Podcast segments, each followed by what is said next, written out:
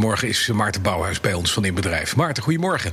Goedemorgen, Bas. Nou, veel winkels zijn nog open, maar op hun vaste installateur zitten ze niet te wachten. Dus voelt ook het bedrijf Waterman de coronacrisis. Vertel, ze bouwen winkels om hè, bij Waterman voor Plus Zeeman, uh, Rituals. Maar nu even geen werk. Nee, dat klopt inderdaad. Uh, en hij vertelde mij dat uh, in de retail uh, komt het werk behoorlijk kort gepland verraste mij ook wel weer een beetje. Blijkbaar ook het bouwen van winkels en de verbouwing staat niet een half jaar van tevoren in de agenda. De snelheid van de retail.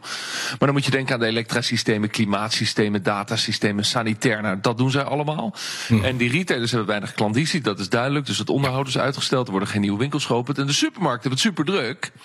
Uh, maar die zitten niet te wachten op de installateur. Dat kun je je ook voorstellen. Ja. Uh, en dus, uh, dus moest ook Waterman zich herbezinnen, vertelt de operationeel directeur Erik van Oort. Als eerste ga je natuurlijk kijken naar je kosten. En waar kunnen we planning met name wijzigen? Hè? Want dat is als eerste. We hebben lopende dingen. Kunnen we dat gaan wijzigen? Kunnen we dat naar voren halen? Kunnen we het op een ander moment in gaan plannen? Dat is één. En daarnaast moet je dan toch ja, wat extra's gaan verzinnen. In de zin van wat kunnen we nou wat we nog niet uh, hadden lopen? Wat kunnen we nu gaan doen? Ja, ondernemerscreativiteit. Wat zijn ze gaan doen, Maarten? Ja, dat, hebben ze dus bedacht. Wat kunnen wij inderdaad, waar winkels behoefte aan hebben? We hebben het al eerder in de uitzending gehad over kuchschotten, weet je nog? Die platen bij de kassa.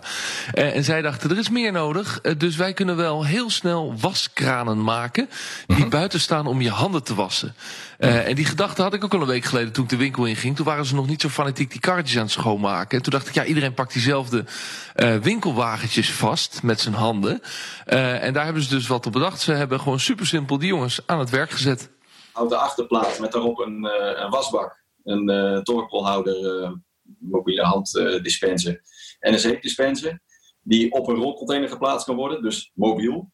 En die kunnen we dan aansluiten op een bestaand watertracé. De riolering erbij. Die kan ook wel geplaatst worden voor de winkel, in de winkel, in een passage. Hm. De mobiele wasstraat. Verdienen ze er iets mee?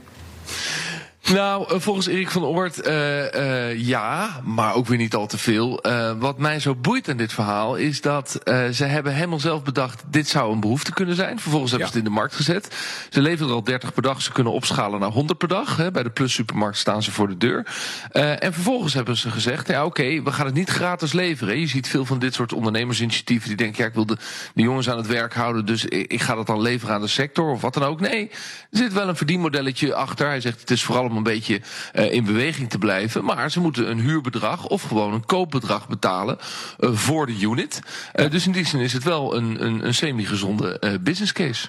Absoluut. En zo hou je de handjes aan het werk. Dankjewel. Maarten Bouwhuis. Tot morgen.